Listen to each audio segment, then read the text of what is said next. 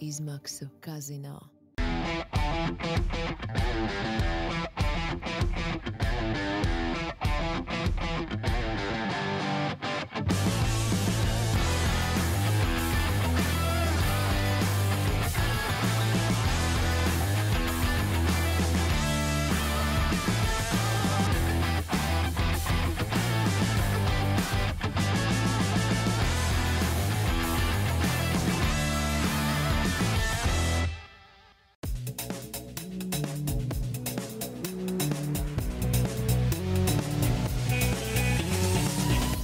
F1 LV podkāsts.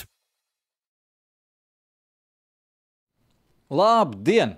Formula 1 cienītājiem un Alonso talanta cienītājiem. Jāsaka, tā šoreiz Alonso jāsaka, divās paudzēs jau priecē Formula 1 līdzjutējus, un arī vakardien iespaidīgs sniegums viņa izpildījumā. Par to mēs ar Jānu šodien ļoti daudz runāsim, bet mums ir arī pāris tādas nedaudz nopietnākas tēmas, kas jāizskata. Uh, taču vienmēr jāsāk laikam ar to pašu svarīgāko, jo mums ir tāds uh, diezgan pamatīgs niķis neiekļauties stundā un nepaspēt izrunāt visu, un tas būtu nāves grēks neizrunāt to, to ko vakar paveica Alonso. Sveiks, Jāni! Mm, jā, sāksim ar pašu svarīgāko. Labdien visiem! Un otrs ir, kā tulkojas vārds podkāsts. labi, labi, labi, labi, labi, es uh, Nē, ta, nekavēsim laiku. Tu tas ir, labs, visiem, ka... tas ir labs jautājums, jo patiesībā podkāstu uh, mēs arī sākām taisīt ļoti sen atpakaļ, ka Latvijā viņš nebija populārs. Es tieši meklēju, kā latviešu to iztulkot, jā. jo, jo besītie tie nu, ārzemēs. Bet nu, redz, kā, kā ir pielips podkāsts, un nevienam tas neinteresē. Bet bija, es atceros, ka latviskajā versijā savulaik tāds piedāvājums podraida. Tas ir pilnīgi nopietni. Bija tāds piedāvājums, podraida. Mm. Paldies Dievam, ka tas nepielipa. Labi, gan jā, jo citādi mēs varētu. Jā. Bet audio žurnāls ir viens no, viens no variantiem. Audio žurnāls televīzijā kolosāli. Jā. Nu, labi, laižam. Aiziet. Aiziet. Uh, labi, lai iesildītos, uh, Alonso atstāsim kā otro tēmu lielo mums, uh, mūsu podraidē. Pirmā tēma mūsu podraidē šoreiz būs sprinta nedēļas nogala, pēdējā sprinta nedēļa. Uh, šajā sezonā es Jānim uzdevu vienu mājas uzdevumu, uh, kas patiesībā Šajā nedēļas nogalē ļoti daudziem Formule 1 līdzstājiem skatītājiem bija kā mājas uzdevums izdomāt sev mīļāko formātu sprintam. Nu, ja visi sūdzās, vai ja kāds sūdzās, ka ne, nekas nav labi, es vienmēr saku, nu tad dodiet savus piedāvājumus, sūdzēties un uh, kaut kādā veidā varbūt apšaubīt esošo iekārtu, jo vienmēr ir diezgan viegli no malas stāvēt. Jā. Bet, nu, tad lūdzu iesaistieties un piedāvājiet savus labākus variantus pie esošajiem nosacījumiem. Nevis kaut kādas mistiskas eh, vēlmes, bet tiešām, ka mēs ievērojam esošos nosacījumus, ka tas viss nāks par labu gan uh, organizatoriem konkrētā posmā, gan arī, protams, neizsitīs no līdzsvaru Formula 1 pastāvošo iekārtu. Jā, kāds ir tavs piedāvājums par sprintu? Tā kā tu man uzdevi šo jautājumu, es eh, mēģināju saprast vispār, ko es, kas tas ir. Tas sprints un kāpēc viņš ir vajadzīgs. Un, uh, pirmā lieta, kas man ienāca prātā, ir tas, ka faktiski sprints parāda tās vājās vietas, kas ir uh, klasiskajam Formulas 1 formātam. Un galvenā tā lieta, kas ir, nu, kā, kad sprintu nu, kā, prezentēja un laida gaisā, tad viņš teica, tagad beidzot mēs redzēsim, uh, kā netaupa riepas čaļi gāž pa trasi. Un tas īstenībā ir drausmīgs mīnus lielajai sacīkstē. Jo, nu, Indikārā mēs to neredzam. Tur mauc čaļi pa lielam, ja? tā, tā kā zvetē ritīgi. Un, un, tā, tā, tā kā tas sprints sanāk beigās tieši parāda vai izkristalizē tieši tās mīnus, kas ir mūsu tajā lielajā mm. sacīkstē. Ja? Nu, protams, mēs pie tā esam pieraduši un tā tālāk. Uh, Bet neiedziļinoties vai neizplūstot baigi garos komentāros, tad pirmais, kas ir, ir skaidrs, ka um, sprintam, ja tas vispār ir vajadzīgs, tad sprintam ir jābūt kaut kam pavisam savādākam. Piekrīt. Jo vienkārši uztaisīt tādu pašu sacīksti ar faktiski tādu pašu kvalifikācijas formātu, pie tādiem pašiem nosacījumiem, tikai īsākā termiņā, nu, tas, ir, nu, tas ir kas? Nu, tas ir YouTube shorts un YouTube video. Ja? Nu, tas ir tāds. Nu, Nu, kas tas īsti ir? Ja? Nu, ne, tāpēc, ne vārīgs, jā, tieši tā, tas, ir. Jā. Tāpēc ir. Mans uzskats ir tāds, ka vai nu sprints ir kaut kas radikāli savādāks, vai nu tad viņš nav vispār. Mm. Un, attiecīgi, ja mēs runājam, nu, ja tomēr ir vajadzīgs iedot arī kādu padomu uh, par to, kādam tam sprintam jābūt radikāli savādākam, tad es pieļauju, ka, es pieļauju, ka mēs tiešām varētu mēģināt eksperimentēt ar starta vietām, Mēs varētu mēģināt eksperimentēt ar uh, kaut kādiem citiem nosacījumiem, vai tur tas būtu, ka tur nezinu. Ātrākās formulas brauc ar lēnāku riepu un tā tālāk. Nu, es, kaut kas super radikāli mm. savādāks, taču tad, kad es savā galvā maļu šo visu cauri, to sprintu un skatos un domāju, nu, ok, mēs varētu radikāli izdarīt šito, šito, šito jo ideja ir daudz visādi un varētu visu kaut kā tur ķēmoties, ja tajos sprintos. Un tad es domāju, pagaidi, bet, bet tā ir Formula 1. Tas ir uh, augstākais uh, autošoseis, faktiski nu, tas tāds uh, punkts, tā ir virsotne. Ja? Un tad vai vispār piediena šim sportam, tā ķēngāšanās vai tā ķēmošanās ar to sprintu, ja mēs tiešām viņu ņemam kaut kādā radikālā veidā. Nu, nu, no otras puses, atkal es zinu no pieredzes, piemēram, mūsu ABC reizes, un vēl savā laikā Nacionālajā klasē, kas brauc. Ja? Mums nekad nebija bijusi ham, uh, kvalifikācija, mums bija izloze. Un bieži vien bija šis arguments par to, ka, nu, Nu, bāc, nu, nu, tas nu, atņem iespēju nu, tam ātrākajam tur reizēm sačakarēt, sacīkst, vai tur kaut kas tur vēl un tā tālāk. Bet no pieredzes, un tā pieredze jau krājās šādos formātos, man vairāk kā 10 gadus, 15, 20 gadus, krējums vienmēr uzpeld augšā. Es vienmēr to esmu teicis. Tad vienalga, vai tas ir handicaps svars, kas nāk klāt, vai mm. tas ir tā ir izloze, to es izvilku pēdējo vietu. Sezonas kopvērtējumā ātrākais pilots vienmēr ir ātrākais. Un tāpēc tās savukārt arguments man liek domāt, ka varbūt ir vērts kādu gadu pamēģināt un tur paķengāties ar tiem sprintiem un uztaisīt kaut ko super radikālu. Bet tad, protams, nāk miljonus citas lietas klāt. Tad, kas ir ar budžeta grieztiem un vispār? Jo skaidrs, ka, ja tur sāks ātri startēt no aizmugures, tad būs vairāk avārijas, tur bla, bla, bla. Nu, Tas jau tur, ir paredzēts tur ir, jā, šobrīd. Jau tur ir daudz visādas kaut kādas lietas, eh, kas ir jāņem tajā visā vērā. Bet tad mans īsā atbilde ir tāda Vai nu mēs taisām sprintu, bet taisām viņu super radikāli, kaut ko pilnīgi savādāk, kas vispār nelīdzinās sacīkstei. Kā tādai varbūt tiešām varbūt ir loterija, piemēram, starta izloze. Ja? Nu, vai arī tad ņemam viņu ārā. Jā, izmaiņas būs. Tas jau ir šobrīd skaidrs. Par to runā jau komandu vadītāji. Diemžēl komandu vadītāji ir ārkārtīgi konservatīva tauta, viņi neskatās uz lielām izmaiņām. Par laimi viņiem nav galavārds. Viņiem ir iespēja teikt kaut ko tajā lietā, un droši vien, ka stingrs vārds, bet viņiem nav galavārds. Es ļoti ceru, ka Formula 1 būs uh, mugurkauls un uh, tiešām, kā Jānis teica, darīt kaut ko radikālu, jo es neuzskatu, uh, no ķēmošanās, protams, tas ir, tas tā, tā ir tāda ekstrēma lieta.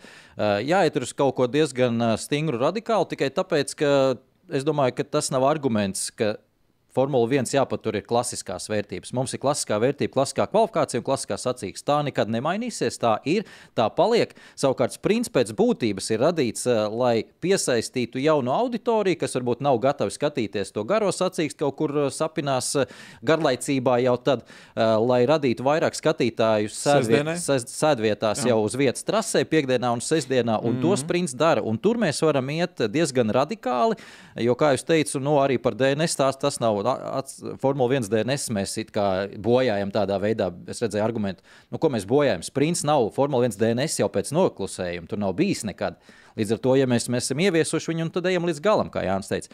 Tātad Formula 1 šobrīd ir komandu vadītāji izsprieduši tādu variantu, kas jau ir bijis labāks, būsim godīgi, bet viņi ir pamainījuši tikai kārtību. Proti, piekdienā ir viens treniņš, un uzreiz seko sprinta kvalifikācija. Mm.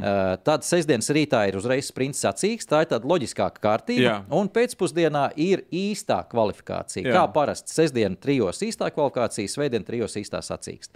Kas, kas jau man bija labāk patīk, turklāt doma vēl pa vidu atvērt par fermē. Jā, tas ir tas, ko es gribēju teikt. Visdrīzākais, ko to vajag izdarīt. Jo, ja ir no, no, norauts greizi uz sprintu, visdrīzākais būs norauts greizi uz gala sacīkst. Tas nu, nerada. Respektīvi, šobrīd ir tā, ka tu noskaties sprintu, un tev apmēram ir skaidrs īstenībā, kas būs arī lielajā sacīkstē. To es negribu Jā. redzēt. Nu, vienīgais, ja mēs ņemam par piemēru, kā šeit bija, kur Mercedes norāva ūdeņus tieši tāpēc, ka viņiem nebija iespēja patestēties kārtīgi treniņos viņi nevarēja salabot neko atpakaļ. Nu, tas arī no otras puses nu, paši vainīgi. Jūs tagad iekritāt šeit, pārējie visu izdarīja pareizi, jūs ar saviem regulējumiem aizbraucāt šķērsām.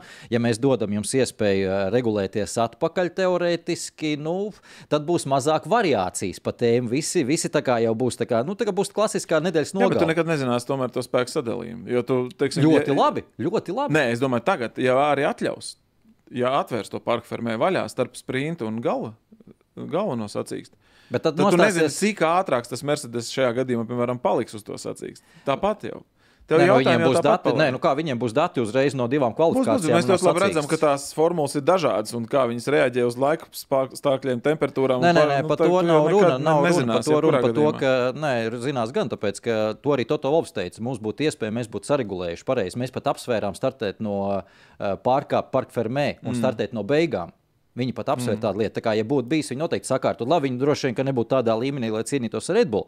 Bet, eh, ja atvērks parka fermē, tad viss nostāsies tādā loģiskākā kārtībā. Stiprākie būs stiprāki, vājākie būs vājāki. Pie šāda sprinta mēs tomēr iegūstam kaut kādu dažādību, kur kāds ir sapinies, kā Mercedes, nu paši vainīgi sapināties, pārējie trāpīja pareizi tajās eh, 60 minūtēs. Eh, Bet es dzirdēju vienu versiju sprintam, tā nav man izdomāta, bet es pie tās esmu pieķēries ar abām rokām. Manuprāt, tā šobrīd izskatās vislabākais variants. Uh, Tātad šis ir tas formāts, ko es pirms tam noskaitīju. Tātad kādā secībā jābūt ir, bet uh, kvalifikācija sprintam nav tāda kā šobrīd, kas ir vienkārši maziņa, tā pati lielākā Jā, kvalifikācija, jā. kas man ļoti nepatīk. Jā, absolūti. bet kvalifikācija ir viens lidojošais aplis brīvā trasē, apgrieztā čempionāta kopvērtējuma kārtībā. Tātad uh, tas, kas ir pēdējais, brauc pirmais. Aiz viņa vispārējie. Tāda kvalifikācija mums ir bijusi, un kvalifikācija bija diez- diezgan interesanta. Atcerieties, Formulā 1 Īsti bija. Uzliec vairāk, bija šī desiņas uzmaizīts, nesapratu to formātu. Brauc brīvā Ne, aplī. to apli. No. Brauc brīvā aplī, viens lidojošs apli. À, ir vienkārši Viens, viens, tā kā aplis. Tā kā bobslejs. Jā, okay. Viens aiz otra. Kamēr Ok. okay. tas ir ieskriešanās, kamēr tas ir bremzēšanas aplī, nākamais ir ieskriešanās Ok, okay. aplī. Tā jā. paralēli notiekās. Tā lieta mums ir bijis tāds. Jā. Uh, un bija patiesībā bija diezgan interesanti. Jā, bija Arī forši, tāds jā. uh, formāts bija diezgan Ja tur var interesants. noraut auzās arī tīk. Jā, un līdz ar to mums ir divas dažādas kvalifikācijas. Vienā nedēļas nogalē mēs veco nemainām, uh, izbaudām abas. Uh, un, uh, attiecīgi, vēl ir variants tāds, ka mēs izbraucam šo kvalifikāciju, varam piešķirt pat punktus par to vienu lidojošu apli. Jau nezinu, tur vienalga, pirmajiem pieciem, sešiem tam nav nozīme, to domājam pēc tam. Uh, savukārt, uh, sprints. Ir starts ar apgriezto kārtību čempionāta kopvērtējumā. Joprojām kvalifikācija ir atsevišķa punkti, sprints ir atsevišķs. Tā- Tāds tas piedāvājums. Un vēl uztaisīt atsevišķo sprinta kopvērtējumu. Es nezinu, vai tas ir vajadzīgs. Respektīvi, tas neiet kopējā pasaules čempionāta kopvērtējumā, bet kā sprints, kas ir ar ļoti dāsnu na- naudas balvu sezonas beigās no titula sponsora, no ti sprinta titula sponsora. Tā kā tādas detaļās viss Bet ir. īstenībā uz to iet, jo es zinu, ka, piemēram, NBA valsts neļaus man samelot, ir tāds in, in, uh, in-season tournaments saucās. Un, respektīvi, Jā. ka viņi vēl pa vidu, tai visai tai garai sezonai, kas ir 84 spēles, pa vidu vēl uztais tādu, pa vidu, nu tā kā. Mazo- Vēl viena turnīriņa kaut kur, jā, tur viņam atsevišķi laukumi un tā, noteikumi tie paši. Un, un tas it kā iet arī lielās sezonas kopvērtējumā iekšā. Nu, respektīvi, arī, lai padarītu šīs regulārās sezonas spēles tā kā interesantākas vai skatītājiem vairāk skatītājs piesaistīt. Un šis varētu būt variants patiesībā. Kāpēc ne? Es saku, nu, vai nu mēs darām kaut ko radikāli, vai labāk nedarām vispār. Jā, nav jau tā, ka, protams, arī reversgrieķi, jeb apgrieztā starta kārtība uzreiz visu atrisina. Mēs kā ātrākos noliekam aizmugurē, bet nevar aizmirst, ka pēdējā starta rindā līdz ar to būtu uh, Verstapens ar, nu, pieņemsim, Lando Norisu. Un uh, tas nebūtu tā, ka Verstapens ir beigās un vispār apkārt viņam lēni, kā tagad bieži gadās, nu, varbūt kvalifikācijā kaut kur sapinās kāds meistarībā, un viņš laužās cauri. Mums tas ļoti patīk. Mēs skatāmies, kā viņš tur apdzen. Bet tad visi ātrie būtu beigās, un, un tas pats Verstapens vai Lando Noris viņiem nemaz tik viegli nebūtu tur tikt uz priekšu. Viņiem visi būtu tikpat ātri, tāpat pašās beigās. Uh, bet var apgriezt, jā, pirmos desmit, kā tas ir Formulā 2 un Formulā 3. Tas nav kaut kas ekstra, nu, tas ir jau, jau tradīcijas, jau, ja mēs varam tā pat teikt. Daudzās, daudzās kategorijās ir šis pirmais desmitnieks, tiek apgriezts kārtībām. Tā kā tur var Un eksperimentēt. vēl sprintā var pateikt, piemēram, DRS nebūs. Jā, Nu, var, lai paskatītos, kā šīm formulām būtu sacīts bez Jā, DRS. piemēram. ļoti, ļoti, starp citu, Jānis, pareiza lieta, jo, manuprāt, tā ir tā vieta, kur Formula 1 var eksperimentēt. Tieši tā. Lielo sacīkstu liekam mierā, Jā. lai, lai klasiķi, lai uh, konservatīvie cilvēki. Lai kā- neslēdz sestdienā televizoru vispār. Jā, jā, kāds jā. arī es esmu, lai, lai ir apmierināti, viņiem ir sestdiena un svētdiena ar kvalifikāciju. Jā. Jā. Attiecīgi, viss ir pa vecam. Tie, kas grib redzēt kaut ko jaunu, tie, kas uh, grib īso sacīksti, slēdz to iekšā. Ja tā neietekmēs turklāt kopvērtējumu, tad vispār mēs varam paņemt gan no vienas, gan no otras auditorijas uh, maksimumu šajā gadījumā. Un, kā jau teicu, ka, uh, ļoti labi eksperimentējam ar, ar noteikumiem. Tiešām, tā kā šogad atceries, mums bija kvalifikācijas, kur bija katrs riepu formāts, pirmajā kvalifikācijas kārtā, otrā Jā. un trešajā. Mēs kaujas apstākļos pārbaudījām. Kā tas ir vai kā tas nav. Un es ļoti ceru, ka arī to ieviesīs, jo bija krietni interesantāk. Tas bija interesantāk. Nu, Galu beigās vienmēr var paņemt arī, ne, neizdomāt riteni no jauna, bet paņemt vispār kaut ko. Es zinu, ka es Latvijā, man tā arī nav izdevies to izdarīt, bet es vienreiz laikam saņemšos un to uztaisīšu, kaut kā sarunāšu. Uh, British Turingkāros savu laiku bija sezonas noslēgumā pēc sezonas. Neieskaits posms, kurš uh, saucās Shootout Gong.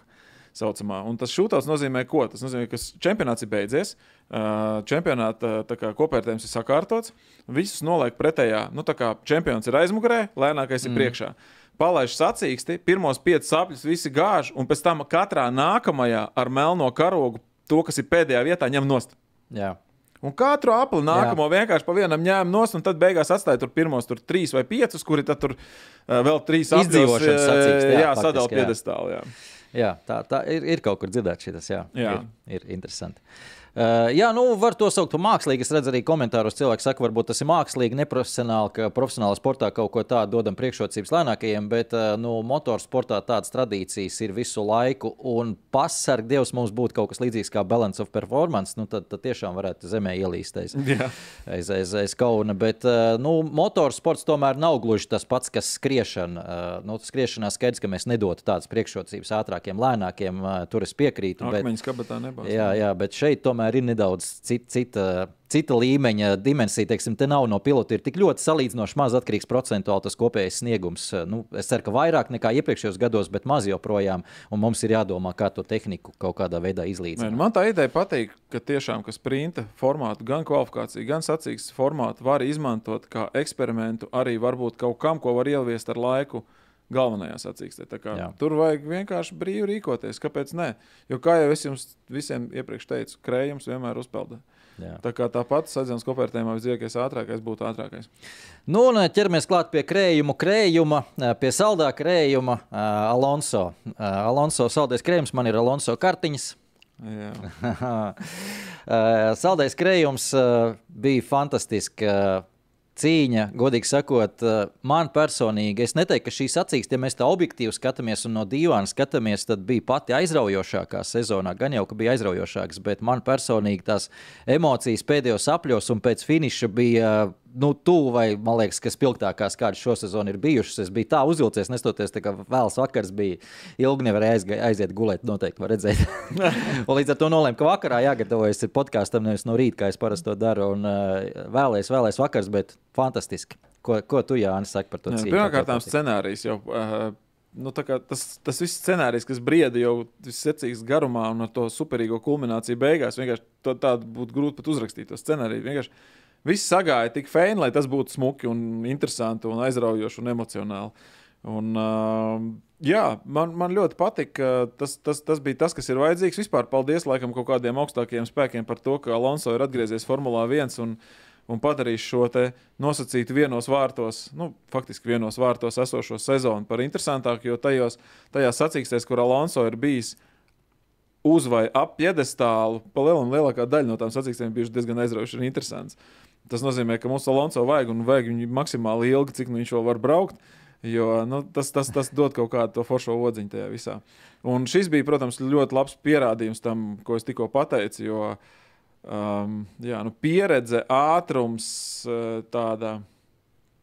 Es pat nezinu, tāda neatlaidība. Tas... Es uzrakstīju, starp citu, tev varu palīdzēt. Jā. Nezūdošs sīkstums, pārsteidzoša atjautība un negants cīņas spars. Jā, nu tev ļoti viņš patīk. Jā. Man ļoti viņš patīk. Es, es, es dzējoju vakar pavākt. Ak, Dievs, jā, nu, labi. Nu, varbūt man viņš tik ļoti nepatīk kā tev, bet, bet protams, kuram te nepatīk Alonso tagad viņa, viņa karjeras tajā galvenajā daļā, es pat teiktu, jo man liekas, ka tagad viņš ir, tagad, jo tagad viņš tā kā ne tikai ir ātrs, bet arī visiem patīk. Nu, tajā, tajā savas karjeras sākumā man liekas, jā, tur, tur nepatika, polarizēja tā kā, vairāk tos līdzekļus. Tā.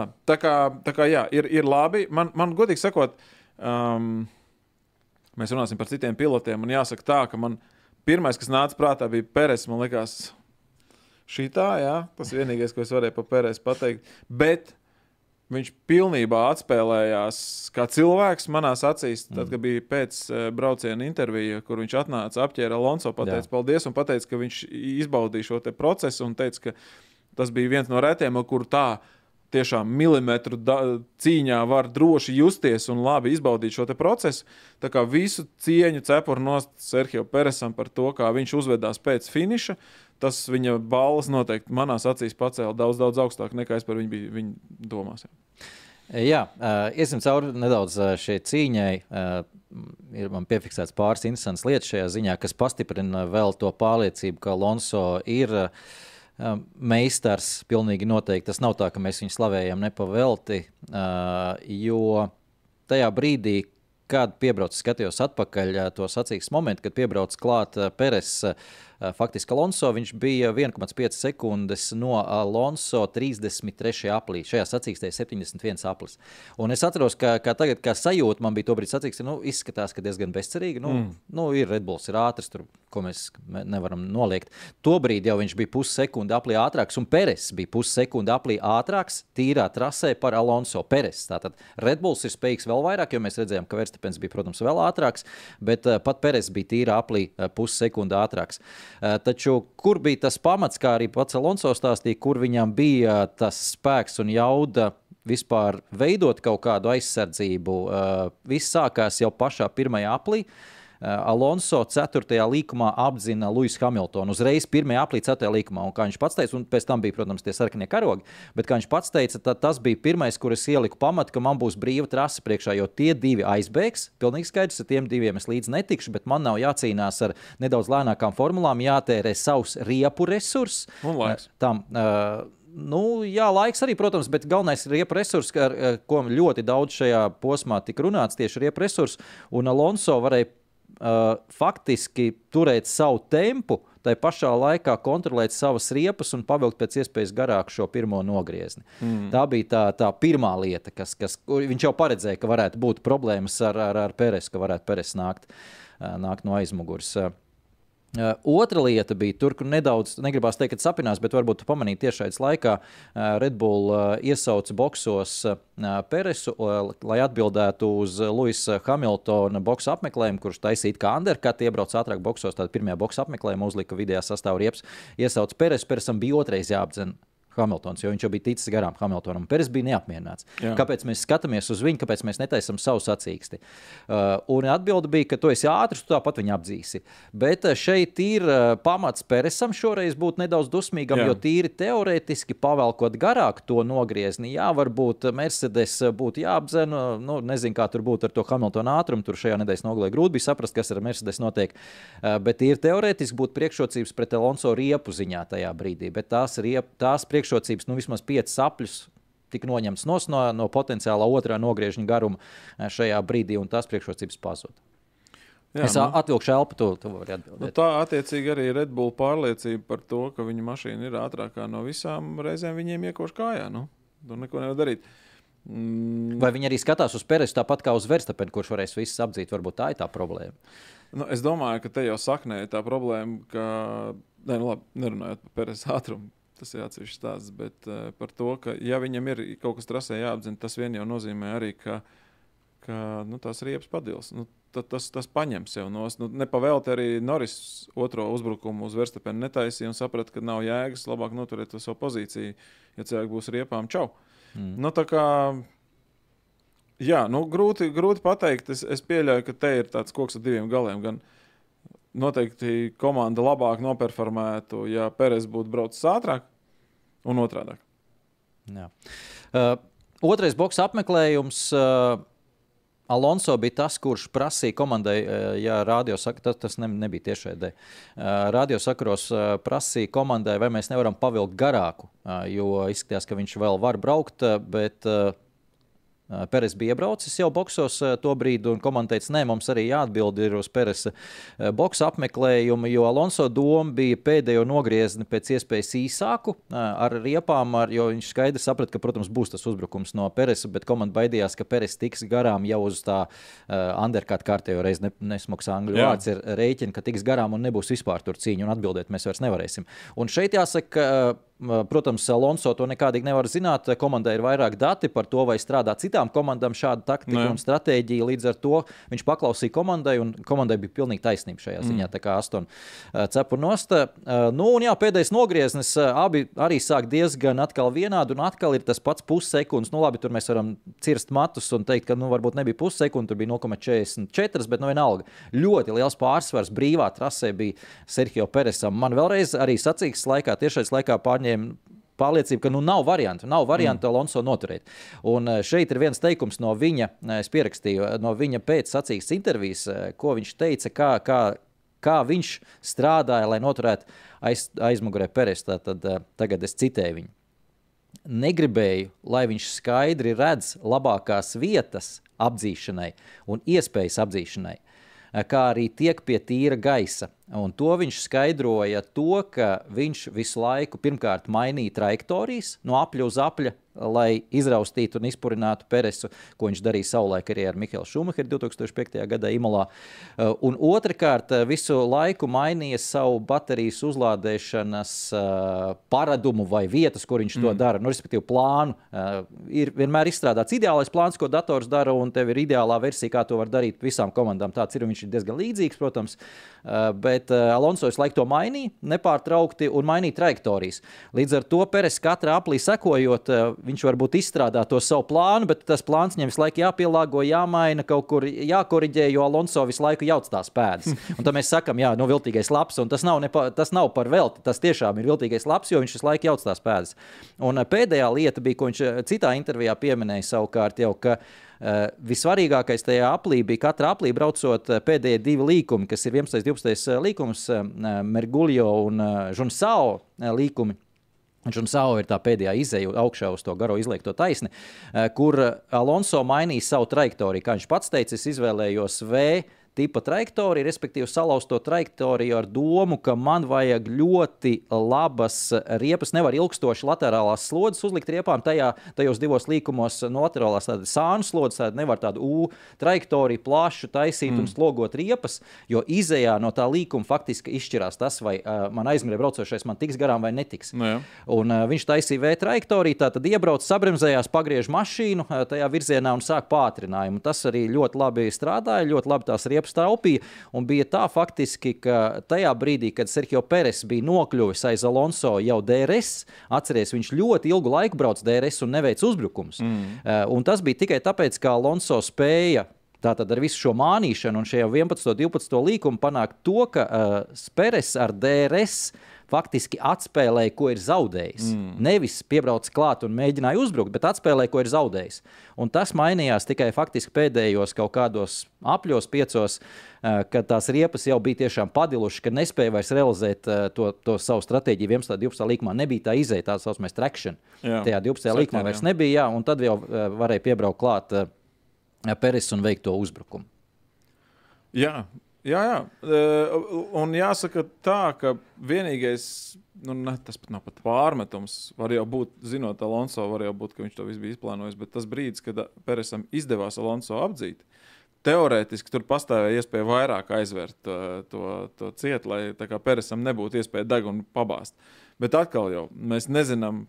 Varbūt tas jau sen bija izskaidrots Alonso galvā, un, un tur, tā, tāds bija tieši tas dusmīgais plāns no viņa puses. Ja? Kā, nu, viņam neko pārmest nevar, tāpēc ka viņš tomēr nofinišēja, viņa, nofinišēja Peresam priekšā, tāpēc tur pārmetumi ir absolūti lieki. Jā, bet vēl pēdējais, pavisam pēdējais stāsts un uh, odziņa uz tortes Fernando Alonso šajā fantastiskajā sacīkstē ir uh, viņa apzīšanas manevrs jau pēdējā aplī, faktiski tas sanāk. Uh, šeit man arī tiešām samulsināja fakts, jo mums apli tiek skaitīti pēc līdera, uh, protams, un uh, līderis jau bija iebraucis pēdējā aplī Jā. un rādīja jau lāstu labi, bet tiem pušiem vēl bija faktiski nu, pusotras, nevis divi gluži, bet nu, pusotras. Uh, lai nu kā, Alonso. Sāka pātrinājumu no pēdējā līkuma, un Sao devās uzbrukumā pirmajā pagriezienā šajā sena es, bet nevienā brīdī nebija plāns apdzīt. Mm. Tas plāns bija uh, piespiest Pēresu iet aizsardzības trajektorijā. Mm. Līdz ar to SNS izējā, kas ir otrais, trešais līkums sasaiste, viņš bija ārpus trajektorijas izējā. Pats galvenais bija SNS līkumā Alonso saglabāt pozīciju aizmugurē Peresam, lai tiktu pie DRS otrajā taisnē. Tāds, tāds bija tas plāns, Jā. ko viņš arī realizēja. Tātad viņš tiek pie DRS otrajā taisnē un tiek pie tā, ka Peresam ir slikta izēja no, no SNS, no tāda dosola līkuma, kas jau iziet uz garo taisnu, uz ceturto pagriezienu. Tātad divi priekšnoteikumi, nu, un tur jau kā notēmēja, kā, kā raķete un, un, un izmētājs, starp citu, arī vēl parādīja iekšmalu Peres momentā aizgāja iekšā. Viņš pat, viņš pat reāli nevis reaģēja uz Peresa gājienu, bet viņš zināja, ka Peres ies parāda iekšā un metās pretējā virzienā. Mm. Tas bija no, nu, vienkārši tas. Ah.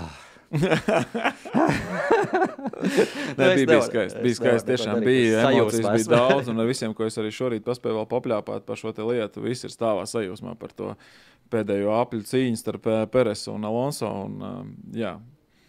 nu, katrā ziņā cepura arī Astonas Martina komandai, kas ir sagatavojuši tehniku, ar ko varēja atkal braukt. Jo, ja Strauss ir finišējis piektajā vietā, neskatoties to, jā. ka finišē tikai 14 mašīnas, bet ja Strauss ir nofinišējis piektajā vietā, tad uh, Nu, visdrīzākais, ka tā mašīna bija, nu, nebija baigais drāņķis. Ja? Tā kā, tā kā tas, arī, tas arī ir jāņem, protams, vērā. Un, ap citu, par strolu, eh, ja viņš šādi brauc un finišē piektajā vietā aiz Alonso, tad mums vispār nav nekādu pārmetumu strolam. Ja tā ir nākamā sezona, tad nav pamat runāt, ka strols ir jāmaina. Jā, jā bet tikai problēma tāda, ka tas ir parasti vienā no desmit sastāvdaļām. Nu, jā, jā, protams, jā, tā ir stabilitātei jābūt. Eh, par Astonu Mārtiņu pavisam ātri, kur, kur tad tas, tas ātrums radās. Nav jau tā, ka gluži tur, tur viss skaidrs, viņi paši tur, protams, to visu skatās. It kā viņiem pašiem ir pārliecība, kur, kur tas ir radies, jo viņi nevienu brīdi nešaubījās. Mēs varbūt bijām sašaubījušies, tad, kad viņi sāka publiski taisīt testa sesijas eh, sacīkšu laikā. Bet, eh, jā, kā teica Maiks Kraks, tad uh, viņiem ar jaunās, jaunu uzlabojumu ieviešanu tomēr, tomēr nebija iespēja objektīvi notestēt un ielikt regulējumu bāzi nekādā veidā ņemot vērā, ka mums tur gāja straujā tempā posmi ar nedēļu maz. Pēc nedēļas un sprinta pa vidu. Un sprinti daudz bija. Uh, tā kā viņi šobrīd to ir apkopojuši, sakrājuši un kaut kādu to bāzi ir izveidojuši šo posmu. Nu, Plus vēl viņi divus posmus faktiski no boxiem startēja arī testa režīmā, jā, nu, kur tā, viņi vāca. Tieši tā, jā, jā. Tieši tā. Tā kā, pašās beigās pēdējais, pēdējais akcents pie šī Alonso stāsta. Alonso tika jautāts arī tieši ko es jau pieminēju, šo, šo skaisto cīņu ar Mihālu Šumacheru saulē, kurš arī noturēja aizmugurē Šumacheru 2005. gadā Imolā. Viņam prasīja, nu, kurš bija sarežģītāk. Tad viņš teica, ka šis viennozīmīgi bija sarežģītāk, tas toreiz bija vieglāk, un blakus turpat uh, bija uh, Maks Verstapens, kurš arī atbildēja uz jautājumiem. Viņš Maksam Verstapenam prasīja, cik tev gadu tad bija? Uh, tad, tad 2005. gadā septiņi. Verstapens atbildēja septiņi. Tagad Verstapenam ir cik uzvars. Tas tā. Labi, tu vari izvēlēties nākamo tēmu, lūdzu. Nākamo tēmu. Uh, es, es tev piedāvāšu no tēmām dažādām. Mercedes par Alfa Tauri. Alfa Tauri, labi, Alfa Tauri. Es tā domāju. Nu, vairāk par Rikārdo gan, nu, jāsaka, cepur nost un nodam savu darbiņu padarīja. Un Man tā, par, par Cunodu ir viena lieta, tomēr sakām. Jā, bet um, par Rikārdo man, teiksim tā, diemžēl sakarā ar to neveiksmīgo riepas, riepas daļas satraumēto aizmugurēju antispārnu, kas vispār baigais. Baigais kāds bija par to, ka tie, kas startēja no boxiem, viņiem bija mīnus viens aplis. Nu, tas, tas kaut kā liekas vispār. Nu, Nu, Atgādājot, nepareizi. Nē, vispār, nu, ja? nu, tas nav, nu, tā nevajadzētu nē. būt normālā gadījumā, ka viņiem ir jau automātiski tas... mīnus viens aplis. Nē, nē, paklausies, paklausies. Tas jau viņi tie pārējie bija nobraukuši tos apļus. Viņa aiz drošības mašīnas bija nobraukuši, tur degvielas patēriņš. Nu, tā normāli sacīksties arī tur, nu, kur tu startējums. Jā, un nē, ja pa vidu ir sarkana. Nu, es nezinu, nu, kaut kā man tā. Nē, ja jā. drošības mašīna būtu turpinājusi starp citu, tad viņiem būtu iespēja atgriezties. Bet, ja drošības mašīna, respektīvi, nebūtu sarkanē, viņi pat nesalabotu savas mašīnas. Tā kā, nu, tā ir. Nu, labi, nav variantu. Jebkurā gadījumā. Um, Sprinta sacīkstē es biju vīlies Rikārdo sniegumā. Ka viņš netika līdz punktiem?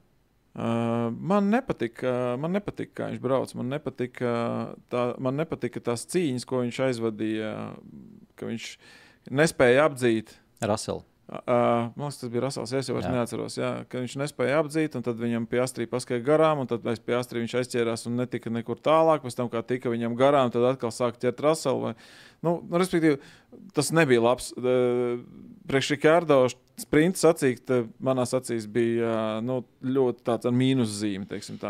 Savukārt, savukārt tajā galvenajā sacīkstē mm. mēs viņu maz redzējām, bet skaidrs, ka Alfa Tauri formula bija raķete bija laba, ātra. Nu, to pierāda arī Cunodas rezultāts.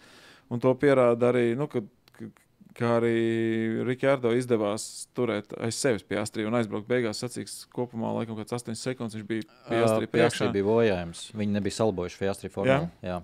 Nu, bet, uh, skaties, nu jā, nu tad, tad tas varētu būt tur izskaidrojums. Jā, jo, jo, jo jā. Norris savukārt 30 cik tur sekundes aizbrauc no trešās vietas. Jā, projām, jā. Jā. Bet, uh, jebkurā gadījumā, formula bija ātra un tā, nu, skaidrs, ka arī Rikārdo formula varbūt nebija simtprocentīgi kolosāla. Nu, pēc tā, kas notika, jo mēs zinām, ka aizmugurē antispāna remonts īstenībā ir ļoti struktūrāla un ļoti nopietna lieta. Es vairs brīnos, ka viņi viņu sa sariktēja. Ja? Jā. Un, uh, bet, bet sprinta sacīksts Rikārdo bija ar, manās acīs ar mīnuszīmi. Nu, viņam vajadzēja. Viņš pats būt... arī gan teica tāpatās. Jā. Jā, jo viņš uh, bremzēšanas aplī 12 reizes pateica F Mm. Vārdu, Mm. F, F vārdu, pateica, nobļāvās un uh, teica, ka, ka atvainojās komandai, ka nav izcīnījis šo pēdējo punktu un uh, lamāja arī otro DRS zonu, cik reizes viņš apzina. Uh, tā, tur bija gan ar Raselu cīņu, tur bija gan ar Sainzu, man liekas, arī cīņa. Tagad, tagad protams, saikuši tās sacīks jau nedaudz ir, ka viņš apzina. Uh, Pirmajā DRS, kas ir līdz NS, un pēc tam NS iegūst uzreiz otrais, un uzreiz dod pretriecienu un apzina tajā nākamajā atgūst savu pozīciju.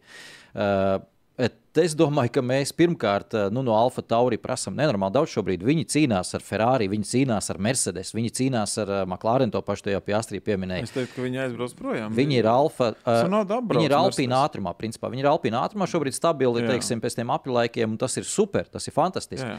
Uh, par Cunodu un Danielu Rikārdo savstarpējo cīņu tas ir ideāli, kad Rikārdo nav tik viegli tik garām Cunodam, un ka tā cīņa notiek vispār savstarpējā. Tas, tas cels arī Rikārdo līmeni vai domas par viņu tajā brīdī, ka viņš tiks garām Cunodam. Jo mēs Cunodu šobrīd uzskatām, nu, vērtējam diezgan augstā līmenī. Es ne, bet labi. E, nu, jā, par iepriekšējo posmu runājot, bet tu tagad arī slavēji Cunodu, un es tieši Es gribu. neslavēju, es teicu, ka viņš vienkārši izdarīja to, kas vajadzīgs izdarīt, un, uh, un, un ka tā formula brauc. Uh, bet es domāju, ka viņš. Mm, Mēs varam teikt, ka arī daļai neizdarīja, jo šī bija kura reize sezonā, ja nemaldos, trešā, kad viņš ir punktu zonā, vai nu, šajā gadījumā bija punktu zonā vai tumpunktu zonā. Viņš pieļāva kļūdu, un tā bija nepiespiestā Jā, kļūda. gan jā, un viņš tas gan zaudēja kā minimums vienu pozīciju. Mm. Un tas ir tikai dēļ kļūdas dēļ. Un Jā, viņam ir jā, divas. kļūdu es biju aizmirsis, tev Jā, taisnība, viņam jā. ir divas reizes šo sezonu bijusi līdzīga situācija. Viņam tās 11 vietas, un nakti un apziņš un tā tālāk. Bet mēs aizmirstam, ka viņš pieļāvis kļūdas, kādēļ mm. viņš nav dabūjis to desmito. Mm. Un tas viens punktiņš tajā sacīkstē, tad tie divi punktiņi šitajā sacīkstē, beigās var būt izšķiroši. Jā. Un tā, tā Ceļš ir tā lieta, kas viņam kopvērtējumā, jā. pietrūkst. Jā, tas ātrums, tā eksplozivitāte, un tas viņam viss ir.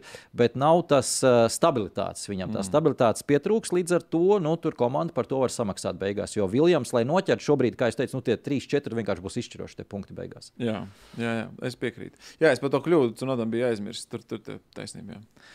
Par Mercedes? Nu, tur nav īsti pat ko runāt. Nu, s- Toto jau visu pateica. Nu, skaidrs, ka tā, tā, tā, tā miskasta, ar ko viņi brauc šo, šogad arī vienkārši to viņu vajag iestumt kaut kur garažā un pielaist uguni un visu, un, un domāt tālāk, ko darīt. Bet uh, ar šo miskastu atceries, viņi ķēra Verstapenu Ostinas posmā. Jā, un kas tālāk notika? Nē, nu labi. Diskvalifikācija. Jā, Jā, kurš, kurš, Nu, nu, beidz, kurš nu, līdz tas- ķeršanai tiek vispār šogad? Mums redzams, Noris. Nu, arī tiek. Nu, jā, Jā, bet tas tas, diskābeli nedabūja. nu. jā, jā, bet iedomājies, uh, ķeršana no Mercedes puses jau Verstapena ir kaut kas. Un, uh, Mers, Nu, bet tā nelegāla formula ķeršana, tas ir tāds, zini, nu. Nu, nē, nu, nē, nē, nē. Nu, nu draņķis tas, nu, draņķis. Vai tev ir pārliecība, ka tas. Uh, formula ir draņķis. Viņi varēja mierīgi izvilkt pagājušā gada formulu ārā no, no kaut kādas garāžas. Noteikti viņi kaut kur stāv tā, tā plakanā, tā nesmukā pelēkā, ar ko Rasels vinnēja abas divas brauc, braucienus pagājušajā gadā Ba- Brazīlijā. Izvilkt to, pabraukt ar to, iespējams, ka labāk vēl būtu. Šeit es nepiekrītu tev, jo pirmkārt arī bija aprēķini par to, cik, cik var dot grīdas nostrīķēšana šajā trasē. Faktiski tas iegūms ir ne, nekāds. Bet labi, tam, tam bija nelegāla formula. Un otra lieta ir tas, ka, kā stāstīja arī par šo posmu, tad divās lietās ir aizgājuši šķērsā Mercedes šajā posmā. Pirmkārt, viņi arī ar pašiem pirmiem bāzes regulējumiem neatrada pareizo virzienu, bet otrkārt, baidoties par to, ka atkal varētu strīķēt apakšu. Viņi ir pacēluši grīdu augstāk, mm. ko starp citu izdarīja arī Redbull par to nedaudz vēlāk. Eh, Pacēluši grīdu augstāk, un eh, šī bija tā trasa, kur pagājušā gadā viņi izcīnīja uzvaru. Teiksim, jutās ļoti labi. Tā kā zina viņi daudz lietas šeit pat labāk nekā visi pārējie. Bet tas, ka šobrīd viņi ar pirmkārt ar vienu treniņu sesiju un nepareiziem regulējumiem un augstāk paceltu grīdu ir atraduši, kā uh, tas nebija Toto Wolfs, uh, tagad to teica James Elsons, atraduši to punktu, kad tā mašīna ieiet tieši mehāniskā, nevis aerodinamiskā, bet mehāniskā strupceļā, kā viņš teica. Ko tas nozīmē? Man nav ne jausmas, mm. godīgi sakot, bet viņi ir atraduši to slikto lietu, kas viņiem jāizārstē uz nākamo gadu. Viņš nevienā brīdī neteica, ka šī ir katastrofa. Viņš teica, ka fantastiski testi, nu labi, viņš neteica fantastiskā vārda, bet lieliski testi, kur mēs atradām strupceļu. Un mēs to iespējams nebūtu pamanījuši citādi, un to mēs ņemsim vērā uz nākamo gadu. Jo šobrīd viņi arī nu, jā, diezgan sen strādā uz nākamo sezonu. Nu, skaidrs, ko tad jau un, un, principā, tas ir netīšu. Ne, tas nav tā, ka viņi tiešām gāja šajā virzienā vai kaut ko mēģināja, kaut ko sev iešaut kājā un sliktu, sliktu atrast. Ja, vai, vai, bet viņi ir atraduši ar, ar nepareizo, nepareiziem regulējumiem, atraduši kaut kādu vājo vietu, ko vēl ir laiks izlabot uz nākamo sezonu. Bet vienai lietai gan es piekrītu, ka nu, Mercedes neizskatās tik, tik ļoti pārliecināti un pašpārliecināti arī ne tikai tehniskā ziņā, bet arī nu, tas komandiņš nu, nav vairs tāds, tāds sajūta. Ne, tur jau arī iet projām. Lieli, lieli uzvārdi iet projām no Mercedes. Tas arī tā, nu, tas tieši tādas bažas nedaudz. Jā. Bija jautājums, starp citu, pāris arī skatītāji jautājums bija piefiksējis. Viens tie jautājums tieši bija par Luisu Hamiltonu un Mercedes Gustavs Melenbergs prasīja, Luis jau kādu septīto reizi šo sezonu ir bijis neapmierināts ar riepu izvēli. Vai Mercedes komandotiņš buksē arī sacīšu laikā? Tāds jautājums no viņa. Kā tu domā? Zini kā, um, grūti teikt. Ja tev ir ja tā, ja tā formula nedarbojas tā, kā tev viņai būtu jādarbojas, tad vienmēr būs kaut kādi lēmumi vai kaut kādi mm. risinājumi, kas varbūt liekas jocīgi vai nepareizi vai kaut kā tamlīdzīga. Bet tas tikai tāpēc, ka viņi čamdās pa miglu. Nu, viņi, viņi meklē, risina, domā, dara. Nu, tad jau arī var aizšaut garām kaut kā biežāk. Ja? Nu, Grūti pateikt. Izskatās, ka tur ne, sākot no pilotiem un beidzot ar tiem, kas uzbūvējuši to formulu, neviens īsti nezina, kas, kas tur īstenībā notiek. Un tad jau tādas kļūdas ir iespējamas. Ja. Jā, mm, Hamiltons sacīs laikā teica, kāpēc, kāpēc mēs nelikām cietās riepas. Un, nu, kā, tiešām jāpiekrīt, ko raksta Gustavs, ka ik pa brīdim šogad viņam tā bijis. Bet, uh, Cietā riepa jau bija norakstīta jau, jau, jau, jau weekend sākumā. Nu, Palielam neviens viņu negribēja. Jā, neviens viņu negribēja tieši tā. Un te, te, līdz ar to Nav tā, ka Hamiltons brauc un saka, re, kur mēs kļūdu izdarījām. Tur, tur faktiski nebija Mercedes kļūda nekāda taktiskajā ziņā par riepu izvēli. Mm. Cietā nebija izvēle, cietā bija ļoti stīva, kā jau teicu, nu, Latvijas no, tāds, tāds ļoti stīva uzsildīt. Nevarēja, un kad viņi uzsildīja, dabūja pie dzīves, tad tik un tā ātrums viņiem nebija ne, ne tūlīt kā vidēji. Līdz ar to tas nebija variants. Bet par to, ka visu laiku pukst Hamiltons, es jau šo esmu stāstījis. Hamiltons psiholoģiski ir cilvēks, kas vislabāk rāda sniegumu vislabāk, ka viņam ir muguru piespiest pie sienas, ir pretinieks ārējais, ir kāds pretinieks iekšējais jāatrod, protams, tā visā. Un tagad arī tāds sajūta, ka viņš nepārtraukti cenšas sevi uzkurināt. Man ir tāds sajūta, un atrod to iekšējo pretinieku. Krekā jūs komanda man esat iegāzuši atkal, man ir vienam pašam te nabadzīņam jācīnās, un tad viņš arī vislabāk, teiksim, var, var to sniegumu rādīt. Nē, nu, klausies, Hamiltona radio sakariem es neticu jau sen. Ja arī šī sacīks to pašu pierādīja. Viņš parasti, tad, kad pagājušajā sezonā, arī kad viņš brauc pa priekšu vai, vai, vai bija tuvu tuvu priekšai, tad viņš vienmēr teica, ah, šī tās riepas jau viss beigts, un tad viņš pēkšņi ātrāk ko aplu uzskrien. Nu, šajā sacīkstē bija tieši tas pats. Viņš tāds, ej, pa, pa, pačekojiet man to priekšējo labo riteni, man kaut kas tur velk uz vienu vai uz otru pusi, un nākamā aplī vienkārši ātrākais aplis. Nu, nopietni, nu, nu, ņemiet vieglāk to, ko viņš tur stāsta. Viņš arī nav ar uh, pirkstu taisīts. Viņš ir tāds, tā, tajā pašā, tur nezinu, Alonso līmenī patiesībā arī spēlējās gan psiholoģiski, gan visādi savādāk. Tā kā, tā kā padaliet šo te visu drusku, pašķēdiet to, ko jūs dzirdat. Uh, iesim pie Verstapēna un Norisa cīņas. Uh, nebija tur ļoti daudz lietas, bet pāris interesanti aspekti nolasījās šajā lietā. Es jau teicu par uh, Red Bull uh, regulējumiem. Uh, Atcerieties, pirms gada savukārt, ja mēs salīdzinām atkal ar, ar Mercedes, Mercedes vinēju šajā trasē, un Red Bull, un viņi vinēja arī daļai uz tā rēķina, ka Red Bull nebija savā labākajā formā šeit. Un tā viena lieta, kur bija Red Bull aizgājuši šķērsām, ka bija diezgan tieši piespiedes spēka ziņā pietiekami zems piespiedes spēka līmenis, lai būtu liels ātrums eh, taisnēs, nedaudz vairāk eh, dila riepas eh, tā visa rezultātā. Un tieši riepu nodalījums, kas nu, šogad nav tipiskā lieta, bijusi Red Bull mm. nekāda riepu nodalījuma ziņā. Viss kārtībā ir, bet pagājušajā gadā dila tās riepas vairāk, bija jābrauc biežāk boxos, lēnāks temps, tā tālāk. Tā projām. Šogad viss viņam kārtībā bija ar to salīdzinoši. Bet, kas interesanti, tad ar ko tā cīņa bija ar McLaren komandu? Un, beidzot var teikt, ka to teica gan Verstapens, gan Horners. Var teikt, ka mūsu Lando Norris eh, dzina līdz sacīksts beigām. Mm. Un mēs redzējām, ja ne pašu labāko sniegumu no Verstapena, jo ļoti bieži mēs neredzam pašu labāko, un viņam nav nepieciešamības skriet. Tad šoreiz mēs redzējām tuvu pašu labāko sniegumu no Verstapena, ātruma ziņā tieši uh, arī no, no Lando Norris, un pasties, kā viņi aizbrauc prom no visiem pārējiem. Man bija tāds uzreiz tāds neliels deja vu par 21. gadu Verstapenu un Hamiltonu, kur viņi viens otru vaiprātīgi dzina uz priekšu un aizbrauc tur arī pusminūti un minūti mm. no saviem komandas mm. biedriem, visiem pārējiem. Mm. Un šitie arī puiši var viens otru dzīt uz priekšu, un tas ir ļoti patīkami redzēt. Jā, ir, ir, ir labi. Ir, man patīk, man patīk tas duels, man patīk viņu savstarpēji arī cieņa vai kaut kādas attiecības starp Verstapenu un uh, Norisu. Tas, tas, tas padara to visu, tas padara to visu interesantāku. Tā kā uh, jācer.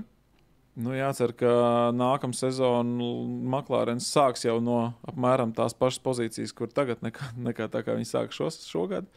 Un tad jau skatīsimies, kas tur tālāk notiks. Bija arī viens, man liekas, Twitterī bija tieši jautājums par to, par Maklārenu, kas tad būs ar to nākamo gadu, vai viņiem tur izdosies. Uh, uzreiz būt ātriem jau no sākuma, vai nē. Nu, es, mēs, mēs to, arī mēs to, mēs to nevaram zināt, bet mēs, es domāju, ka visi mēs ceram uz to. Jā, tas tā ir liela cerība, protams. Bet pēc tā, kā iet sezona, protams, tam visam ir pamats, ka viņi ies tālāk uz augšu, bet te ir cita lieta, kas nav atkarīga no McLaren. Tas mēs nevaram tā izolēti skatīties, jo skaidrs, ka Red Bull šobrīd ir ir, ja ne tādā nedaudz jau, jau nu, plato, tas, tas, tas viss iestājies, tad varbūt pat nedaudz iet uz leju salīdzinoši, jo viņi pilnībā kopš Ungārijas strādā uz nākamā gada modeli. Šo es arī jau stāstīju diezgan daudz, un te visi tiešie konkurenti ir vainīgi pie tā. Vispirms jau Mercedes un Ferrari, no kā mēs visvairāk, ne jau no McLaren, ne jau no Aston mēs gaidījām, ka viņi no nu sastādīs konkurenti, bet uh, Mercedes un Ferrari ir vainīgi pie tā, ka sezonas sākumā viņi nebija pietiekami tuvu Redbullam, lai viņus presingotu un mm. neļautu iegūt tik lielu pārsvaru tieši sezonas pirmajā daļā, lai viņa, viņi varētu laicīgi pārslēgties uz nākamā gada modeli. Šobrīd faktiski viņi ir uh, nošāvuši ar vienu šāvienu divus zaķus Redbull, respektīvi. Viņi ir šogad sakārtojuši jau sezonas pirmajā daļā un, un, un sakārtojuši nākamo gadu. Nākamo Jā, gadu un tā. to varēja nepieļaut konkurenti, kaut vai būtu nedaudz tuvāk esot, līdz ar to nedaudz liktos stresot vairāk, ka jā, sezonas turpinājumā, ja mēs neattīstīsim to modeli, viņi mūs aizies garām, bet tas pārstāvs bija tik liels, ka viņi noprognozēja, nu nē, viņi nevar mūs aiziet garām, mēs varam ķerties pie nākamā gada modeļa. Jā, un runājot par konkurentiem arī, nu, Ferrari. Mm. Mans līdzjūtības visiem Ferrari un īpaši Šarla Klēra faniem. Šārls izklausījās ļoti bēdīgs arī preses uh, konferencē vai tajā intervijā, kas ar viņu bija, kurš teica, ka nu, šī sezona ir jānoraksta un jāaizmirst. Kas, nu, protams, um, nedara labu ne Ferrari, ne, ne, visā, ne visai formulai kopumā. Man liekas, jo, man liekas, ka Ferrari, tad, kad ir kaut ko pa priekšu un cīnās, tad, tad visiem tas kaut kā, nu, kā patīk. Nu, varbūt ne tādā totālā dominancē kā Šumahera laikā, bet, uh, Bet pilnīgi noteikti tas, tas ir vajadzīgs. Ferrari ir vajadzīgs Formulē 1, un to, to Bernijs Eklstons vienmēr bija teicis un turējās pie tā. Un, Es gan gribēju pabeigt ātri par uh, Landonu Norrisu. Droši vien. Uh, pirms Ferrari. Par Ferrari nav ko daudz runāt, bet uh, pavisam īsi par Landonu Norrisu. Uh, viņš startēja no sastāvs vietas, temps viņam bija. Mm, bet, uh, starts bija fantastisks. Starts tieši tā, fantastisks uz otro pozīciju. Un tajā brīdī, kad bija restarts, viņi uzlika jaunas mīkstās sastāvā riepas riepām. Vispār es aizmirsu stāstīt, jo riepas bija nebija visiem jaunas vispār. Un viņi bija saglabājuši jaunas, un tā, tas bija tas mirklis, kur labais starts Eh, ļāva eh, McLaren komandai momentā pārslēgt uh, savu stratēģiju. Viss, mēs ejam cīņā par uzvaru. Jo no sastāvā start pozīcijas startējot, nu, tu nevari uz to cerēt. Skaidrs, ka tu aizķersies aiz tiem konkurentiem, tev riepu resursu izbojās. Tāpēc Jā. sākam ar lietotās sastāvu komplektu. Tajā brīdī, kad viņi tik līdz otrai pozīcijai momentā uzlika jaunos, es uzliku šeit stratēģijas. Var apskatīties, lūk, Noris otrajā pozīcijā, viņš otrajā aplī pārliek tātad uz jauno komplektu un dzenās pakaļ Maksam Verstapenam.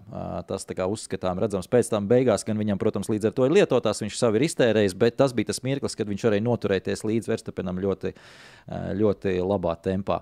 Jā, par, par McLaren arī patiesībā liels, liels prieks, kā es teicu, tas. tas temps, kādā viņi tur līdzi arī viss sacīks distancē, viņi faktiski bija lēnāki tikai uh, pēdējā stadijā riepas uh, nodošanas pēdējā stadijā. Jā. Ar jaunām viņi bija ātrāki, ar uh, vidēji lietotām, ja tā drīkst izteikties, viņi bija ļoti līdzīgi. Un lēnāki bija tikai pēdējā tajā stadijā, kur riepas jau tiešām iet uz galu. Tur Verstapens vēl izvelk no, no cepures, jā, tur kaut kāda maģija. Tā kā tur ir jāstrādā, nu, ir lauciņš, kur pielikt, bet tas, tas bija lieliski. Vēl bija arī interesants uh, komentārs par to, ka vai vispār šo sezonu ir bijis kaut kāds brīdis, kad uh, ir kāds no pilotiem bijis Verstapena DRS zonā. Man liekas, ka šī varētu būt vienīgā vai pirmā reize šo sezonu, kad, kad un pat mēģināja uzbrukt. Mm. Jā, Norris, kā, nu, tas bija kaut kas tāds svaigs un foršs. Jā. Uh, jā, par, par Ferrari uh, pavisam īsi, kā jūs teicāt, žēl Leclerc, un uh, tas, tas viņa komentārs bija patiesībā pārsteidzošs apmēram, why me? Uh, viņš pirmo reizi vainoja, ka es neesmu agrāk dzirdējis, ka viņš saka, nu, neveiksmi. Mm. Ka cik es esmu neveiksmīgs mm. dzīvē, kāds es esmu neveiksmīgs. Un, protams, tā ir. Es, es piekrītu. Viss, Nē, tur nebija viņa vainas noteikti. Prot, jā. Jā. Pirmajā brīdī likās mums parādīt, ka viņš ir sienā pirmajā, nu, ko tu esi sadarījis tagad. Bet, jā, pēc tam skatījāmies, ka tur diezgan atbija skaidrs, ka nav, nav viņa vaina. Viņš teica, hidraulika, hidraulika izrādās bija uh, sekas tam visam nebija cēlonis. Tātad elektrības problēma kaut kāda, kas izslēdz hidraulikas sistēmas. Tas nozīmē, ka viss dzinējs nobloķējās, stūris pastiprinātais nobloķējās. Nu, viss tur ir nu, tur cauri.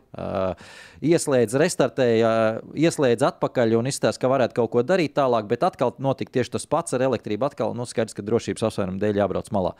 Uh, nu, ko te var piebilst? Pa lielam tā stratēģija Leclercam bija tik laba saga, sagatavot, jo es, eh, mēs neredzam tajā stratēģijas eh, grafikā, bet viņam bija sag, saglabāts svaigas riepas. Viņš startēja no otrās starta pozīcijas. Viņam bija ļoti labs plāns izstrādāts. Viņš upurēja pilnībā sprintu, lai būtu svaigās riepas, startēja ar lietotām un ne pat ar labākajām lietotām ar sliktākajām lietotām, jo lietots arī atšķirās, cik katrā vēl dzīvība ir iekšā, cik katrs nobraukušs apli, kā viņas tur noskrubētas ir.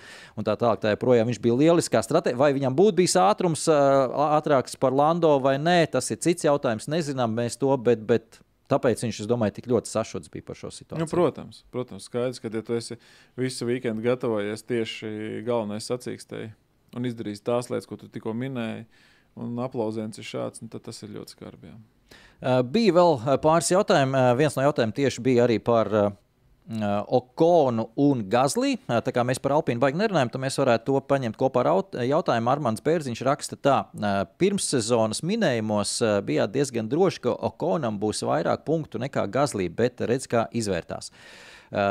Es mēģināju domāt atpakaļ uz tiem pirmssezonas minējumiem. Protams, es neatceros, ko un kā mēs esam runājuši, mm.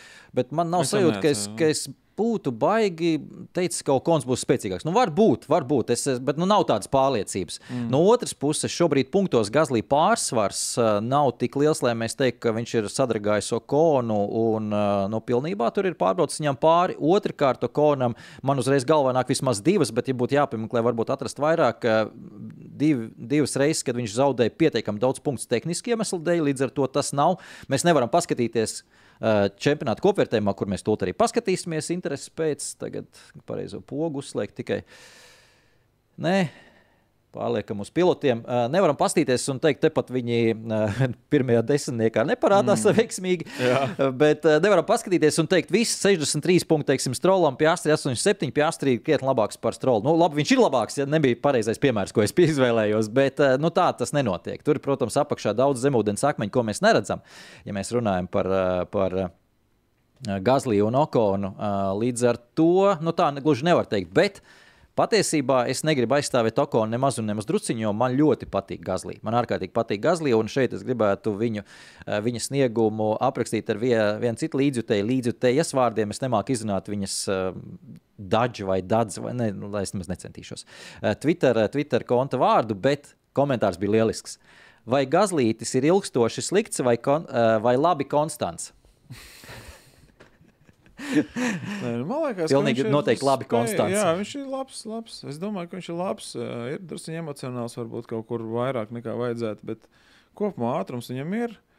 Un tāds drusku specifisks produkts varbūt ir, bet, bet man patīk. Nekāda vaina. Viņš tāds, tāds pietiekami ātrs un spējīgs čels. Jā, manuprāt, tiešām uh, Okons ir ārkārtīgi tāds sajūta, uh, agresīvs, brīžiem pārlieku agresīvs. Uh, divcīņās, eh, tas ļoti bieži arī viņam atnes eh, diezgan liels problēmas. Eh, reizēm tas viņam palīdz, būsim godīgi, bet, ja man būtu jāizvēlas starp Gazliju un Konu, tad laikam astoņās reizēs no desmit es izvēlētos Gazliju. Jā, man līdzīgi. Man līdzīgi, Okons izskatās tāds, nu, es nezinu, man, man, man patīk viņa stāsts, bet man nepatīk viņa personība. Un tas, tas tāds subjektīvs, absolūti, bet viņš tas tā kā tāds mazs sunīts, man liekas, kurš tā kā uh, nemāk spēlēties īsti. Viņš, viņš, jo viņam ir bijis bail, un tad viņš uzreiz labāk kož. Tas līdzīgi, man liekas. Tā kā, nu, redzēsim, nu, katrā ziņā lēns jau viņš nav. Okons noteikti to var redzēt arī kvalifikāciju. Uh, salīdzinājumā starp Gazlīnu un Gazlīnu tiešām ir viens no tomēr, nu, tādiem ātriem ceļiem, kurš ir no tās, nu, viņi patiesībā visi ir no tās zelta paudzes, kas mums tagad ir atnākusi, ko mēs iepriekšējā podkāstā runājām. Jā. Tā, vēl pāris jautājumu, kas ir tā vairāk par aktuālo tēmu, tādas neaktuālas. Mēs varbūt tādā mazā citai reizē. Te Jā. ir komentārs arī par, tas ir YouTube komentārs, es tagad ātri iemetu acu un pamanīju. Par Hamiltonu vienmēr smejas, ka viņš daudz čingst, bet pēdējās sacensībās ar to nodarbojas tieši Rasels. Vakar sekoja līdzi viņa sarunām, un tur bija daudz pasīvi, agresīvu izteicienu pret komandu. Nu, bija, bija. Jā. Tur viss kaut kas gāja vaļā, un beigās jau tur tāpat nekas nesanāca. Un, uh, nu, tas, ko, tas, ko es līdz galam nesaprotu, ir tas, kas notiek tajā Mercedes komandā tajā brīdī. Jo tur tāds, man liekas, kopējs sajukums ir kaut kāds. Jo ir skaidrs, ka tur Toto Valps dara visu iespējamo, lai Lūsis Hamiltons neaiziet no komandas projām. Un, un, un tāpēc tur vienmēr tur zākā. Tur mašīnas un visu kaut ko, un piedod, lūdzu, ka mēs tev tur neiedavām mm. atbilstoši tur vāģi un tā tālāk.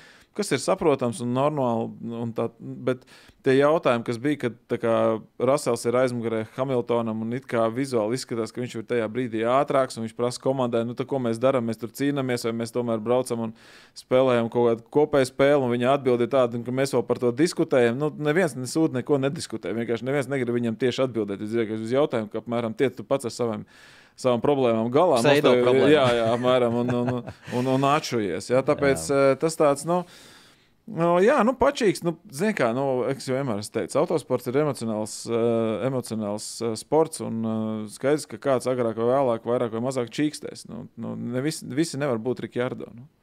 Uh, jā, šeit es arī piekrītu par to čīkstēšanu.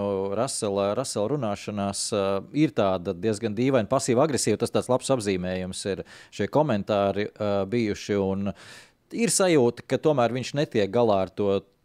Pat ne spiedienu, kāds ir baigais spiediens, bet ar to, ka viņš šobrīd ir ieslīdējis bez mazas palikšana tā otrā pilota lomā. Jo skaidrs, ka Hamiltons, lai cik būtu labi, lai cik būtu slikti, tomēr ir priekšā. Nu, ja mēs tā kopumā, protams, ik pa brīdim mēs redzam Raselu, kaut kur viņš uzspīd un tā tālāk, bet pienāk sacīkste.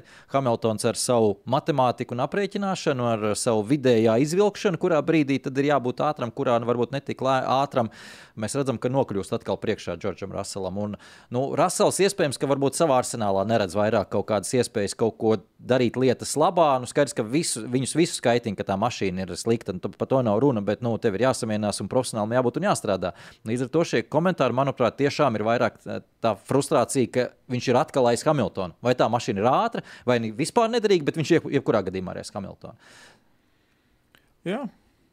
Es nezinu, pat ko tev vairs piebilst. Es tikai, es tikai zinu tādu īsu rezumē par šo sezonu. Es varu pateikt tikai to, ka nu, sezona, protams, vēl nav beigusies. Mums priekšā ir divas. Nu, viena ir, man liekas, ka tā Lasvegas būs super interesanta sacīkste. Kā jau teicu, Faustartā atdiet Vilnas zeķītes sūtīt pilotiem. Bet, um, ja Peres kopvērtējumā ir otrajā vietā, redzot to, kas ir aiz viņa, tad mēs vienkārši varam secināt to, cik ātri ir Red Bull formula šogad. Tas arī viss.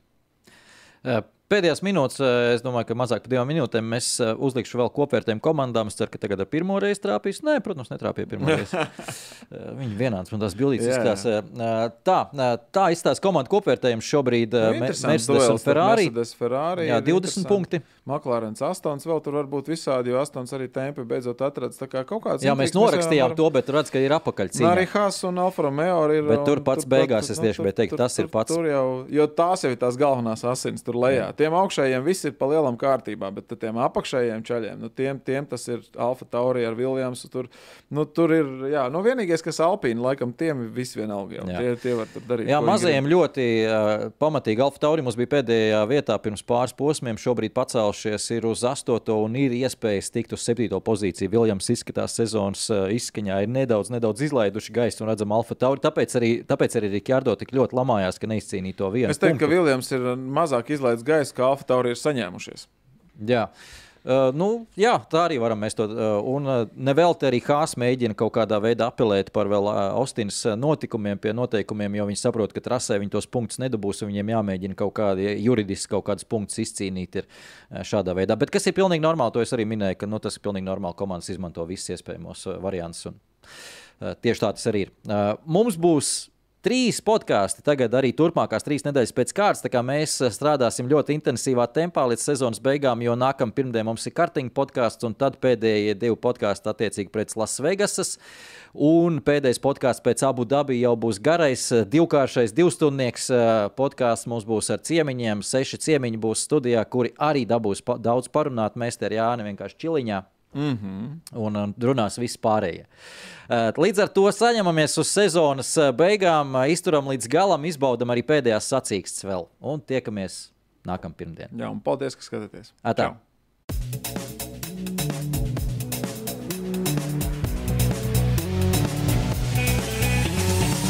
F1 LV podkāsts.